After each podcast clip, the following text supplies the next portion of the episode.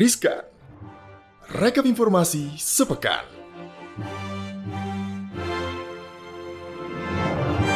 Halo, selamat pagi, selamat siang, selamat sore, selamat malam. Jumpa lagi dengan saya Ana Kewijaya dan Safira Wardoyo dalam Riskan Rekap Informasi Sepekan. Sepekan. Wow, senang banget ya kita bisa ketemu sama Bener. Sobat Cuan lagi ya. Tapi di tengah kesenangan kita bisa Mm-mm. ketemu dengan Sobat Cuan lagi nih. Bener. Aku Tapi kangen loh iya kangen Udah kan. lama enggak loh nih Oke, berarti Produser, kenapa seterusnya aku setiap hari dipanggil? boleh ya. Enggak sayang Iya, iya, iya, iya. Kita harus ingat kalau kemarin Iya. itu ada pengumuman dari Menteri Kesehatan kita kalau Omikron ini udah resmi masuk Indonesia ya. Betul wow. banget.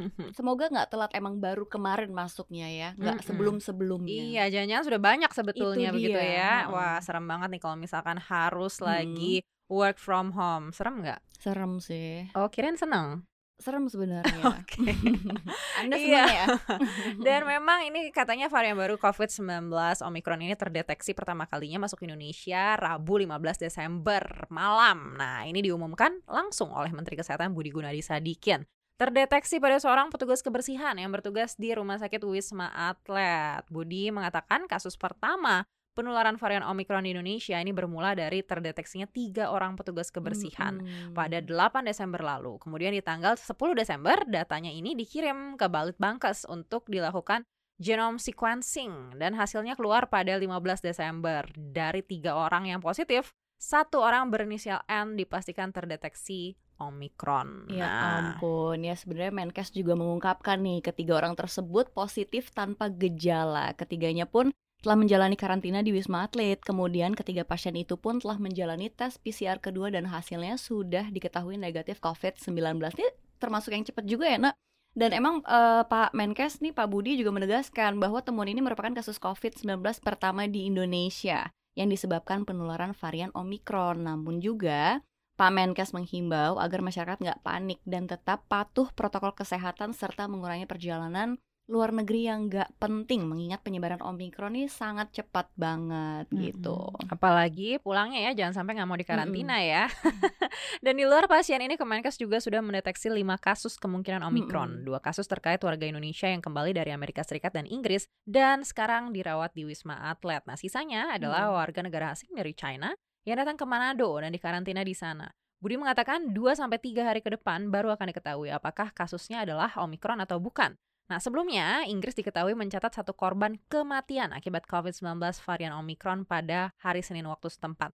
Nah, ini jadi kematian pertama yang dikonfirmasi di dunia disebabkan karena Omikron. Wow, Iya, jadi itu memang ngeri agak ya. horor ya. Kita berharap jangan sampai Betul. ada kasus kematian ya di Indonesia ya. Benar-benar yang meninggal juga kita belum ketahui ya. Emang dia ada eh, riwayat apa dan umur berapa? Semoga memang ya udahlah ternyata memang mungkin ada penyakit-penyakit belakangnya yang Komorbid begitu ya Iya, yang menyebabkan jadi seperti bukan itu. pure karena Omikronnya saja begitu ya. benar. Tapi memang ini ada satu berita yang lumayan segar begitu Iya. menyegarkan karena ternyata anak umur 6 sampai 11 tahun ini Mm-mm. sudah bisa divaksin Sinovac begitu ya. Jadi mungkin betul. kita harapkan dengan adanya vaksin ini juga bisa menekan penyebaran COVID-19 varian Omikron dan pemerintah sudah resmi memberikan suntikan vaksin COVID-19 ini bagi anak usia 6 sampai 11 tahun pada hari Selasa kemarin 14 Desember 2021. Total sasaran vaksin COVID-19 usia 6 hingga 11 tahun ini mencapai 26,5 juta anak di Indonesia.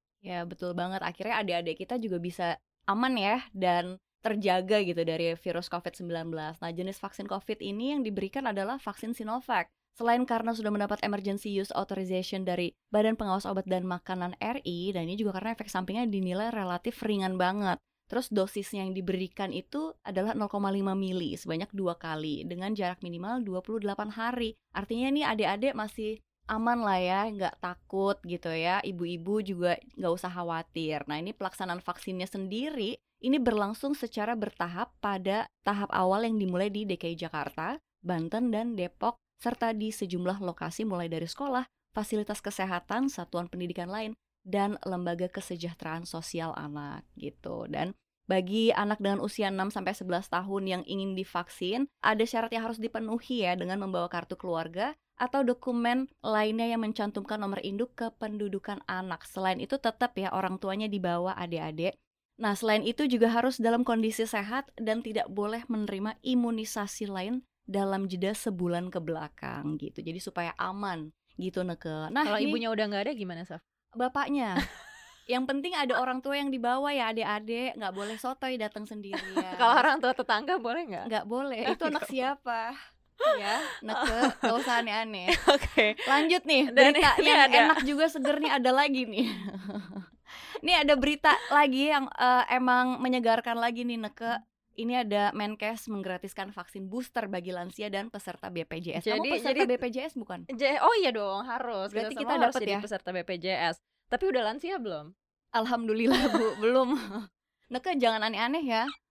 Jadi ya lumayan banget ini sebenarnya Safira ya. Hmm. Selain anak 6 11 tahun yang sudah bisa mendapatkan Sinovac, Mm-mm. ternyata lansia seperti Anda, Anda-anda semua Sobat ini Cuan bisa lihat mendapatkan aslinya aku vaksin kok. booster. Oke, jadi mulai Januari Indonesia akan melaksanakan Hmm. penyuntikan booster dosis Betul. ketiga ke masyarakat yang sudah divaksin penuh begitu Makasih ya. Pak BGS. Mhm. dan akan dijalankan dengan dua skenario yaitu untuk kelompok lanjut usia dan penerima Iya. bantuan iuran BPJS Kesehatan akan ditanggung oleh APBN. Jumlahnya ini ada 83,1 juta orang dan disiapkan 92 juta vaksin. Sementara sisanya biaya mandiri dengan total 125,2 juta orang atau setara 139 juta vaksin. Nah, untuk Hmm. Vaksinasi ini ada cadangan vaksin sebanyak 10%. Selain itu, vaksin yang digunakan harus mendapatkan persetujuan dari WHO, BPOM, dan mendapat rekomendasi dari Indonesian Technical Advisory Group on Immunization. Terus Budi Gunadi Sadikin, BGS, juga mengatakan kalau vaksinasi booster akan dilakukan di klinik dan fasilitas kesehatan swasta, sementara untuk puskesmas akan difokuskan untuk vaksin rutin. Selain itu, vaksin booster akan dibedakan secara labeling.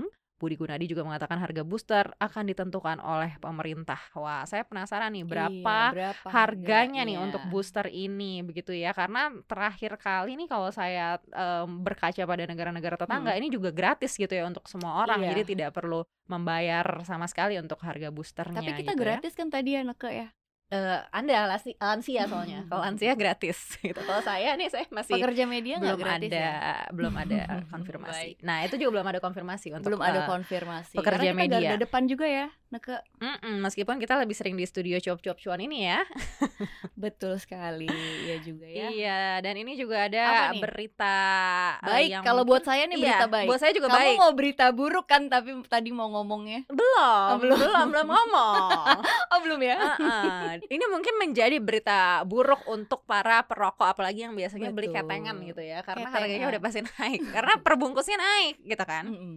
Pemerintah melalui Kementerian Keuangan ini sudah resmi menaikkan cukai hasil tembakau per 1 Januari 2022. Betul. Nah, pemerintah nih melalui Kementerian Keuangan juga menyatakan bahwa rata-rata kenaikan adalah 12% dan khusus untuk SKT atau sigaret keretek tangan ditetapkan berbeda yaitu 4,5%. Hal ini disampaikan oleh Menteri Keuangan ya, Ibu Sri Mulyani Indrawati dalam konferensi pers di hari Senin kemarin tanggal 13. Emang tanggal 13 tuh tanggal horor ya? Hmm. Gitu. Menyatakan nih harga jual eceran rokok termahal adalah 40.100 per bungkus dengan isi 20 batang untuk SPM atau sigaret putih mesin satu dari sebelumnya itu harganya 35.800. Sementara yang terendah adalah SKT 3 itu sebesar 10.100 per bungkusnya gitu. Ini kalau misalkan di warung-warung emang harganya paling naiknya jadi 50.000 ya Neke ya kalau yang di pinggir jalan gitu ya. Hmm, iya mungkin ya karena pasti lebih mahal daripada Iya. harga jual yang ditetapkan pemerintah ini ya. Benar, benar. Nah, ini selain itu Kemenq juga nih udah menaikkan tarif minimum harga jual eceran atau HJE rokok elektrik dan hasil pengolahan tembakau lainnya. Nah, ini rokok elektrik ya, Neke. Rokok elektrik sendiri terbagi atas tiga kategori, yaitu padat, cair sistem terbuka, dan cair sistem tertutup. HJE tertinggi adalah untuk kategori cair dan sistem tertutup yang dikenakan itu adalah 35.250 per cartridge. Nah, kebijakan cukai hasil tembakau ini menyangkut empat hal nih, Neke, yakni pengendalian tingkat konsumsi rokok, tenaga kerja, penerimaan negara, dan pengawasan barang ilegal. Loh, ini kok kesehatannya nggak ada ya? Asas kesehatan. Mungkin ketinggalan nih rilisnya. Hmm, karena kalau Iya, Kementerian bener, bener, Keuangan itu bener. yang penting adalah cuan, ya kan? Betul, betul, betul, betul. Nah, dari keempat alasan tadi, pemerintah meyakini bahwa kebijakan tersebut tepat untuk dijalankan, terutama dari sisi kesehatan. Nah, ini ada nih. Hmm, baru Di tersebut. mana kini dunia tengah menghadapi pandemi COVID-19 dan rokok berperan besar memperburuk kondisi pasien COVID-19. Hmm, Gitu. Jadi ya teman-teman yang mungkin masih menjadi perokok aktif gitu ya, mungkin Hmm. bisa ditimbang-timbang lagi. Buat ganti Apakah ke mana ini adalah waktu yang tepat untuk memutuskan berhenti merokok? Betul. Dan Egen. untuk teman-teman yang punya saham-saham rokok, selamat ya karena mungkin di tahun depan ini kita akan lihat seperti apa efeknya nanti begitu ya. Karena kemarin juga sudah terlihat ada sedikit goncangan Betul. tapi ya. Ya palingan nunggu dividen aja ya. Ya, tergantung berapa Tergantung, banyak sahamnya iya. kalau cuma satu lot aja gitu ya kurang Sama gitu. nggak berasa ya gitu. Nih, next lanjut ada apa lagi nih? Iya, dan ini juga ada berita baik untuk teman-teman yang suka nunggak pajak. Ya Allah, kenapa lu lihat Apakah gua itu langsung? Anda? Karena akan ada pemutihan pajak kendaraan di DKI. Pemerintah Provinsi DKI Jakarta kembali melakukan diskon dan pemutihan pajak kendaraan bermotor atau PKB. Relaksasi ini akan berlangsung mulai dari 14 hingga 31 Desember 2021. Masih ada kesempatan, guys. Betul. Nah, Nah, insentif penghapusan denda pajak ini tertuang dalam peraturan gubernur nomor 104 tahun 2021 tentang insentif fiskal. Dalam belet itu menghapus sanksi denda keterlambatan pajak seperti BPHTB, reklame, PBB, dan PKB. Penghapusan sanksi administratif berupa bunga yang timbul akibat keterlambatan pembayaran pokok pajak diberikan kepada wajib pajak yang melakukan pembayaran pokok PKB untuk tahun pajak sebelum tahun 2021 dan tahun pajak 2021. Jadi pemilik kendaraan bermotor nih nggak perlu membayar denda jika terlambat tapi cukup bayar pokoknya aja gitu ya. Neke, seneng kan kamu? Ya. kenapa saya yang hanya itu salah? aja nih, nggak hanya penghapusan denda keterlambatan, Pemprov DKI Jakarta juga memberikan keringanan pokok PKB bagi pemilik kendaraan bermotor. Nih skemanya kayak gimana sih Neke?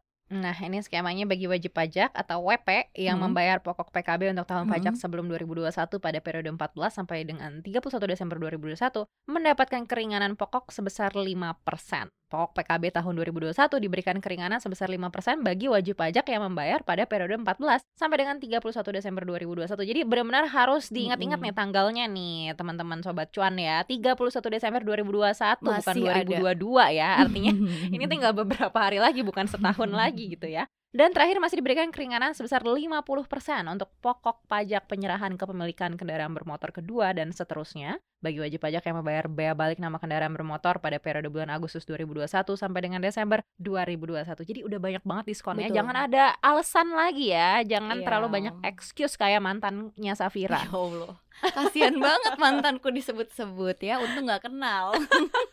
Kok nggak kenal sama mantan? Oh udah nggak kenal mungkin maksudnya ya. Iya iya Hmm. benar benar benar. Gitu. Oke, dan informasi tadi menjadi informasi terakhir kita untuk riskan kali ini. Mm-mm. Podcast cuap-cuap cuan akan terus ada ya dan bisa didengerin di Spotify, Apple Podcast, Google Podcast, dan Anchor. Follow juga Instagram cuap-cuap cuan di @cuap underscore cuan. Lalu subscribe YouTube channel kita di cuap-cuap cuan. Jangan lupa juga komen ya teman-teman, like dan share sebanyak-banyaknya.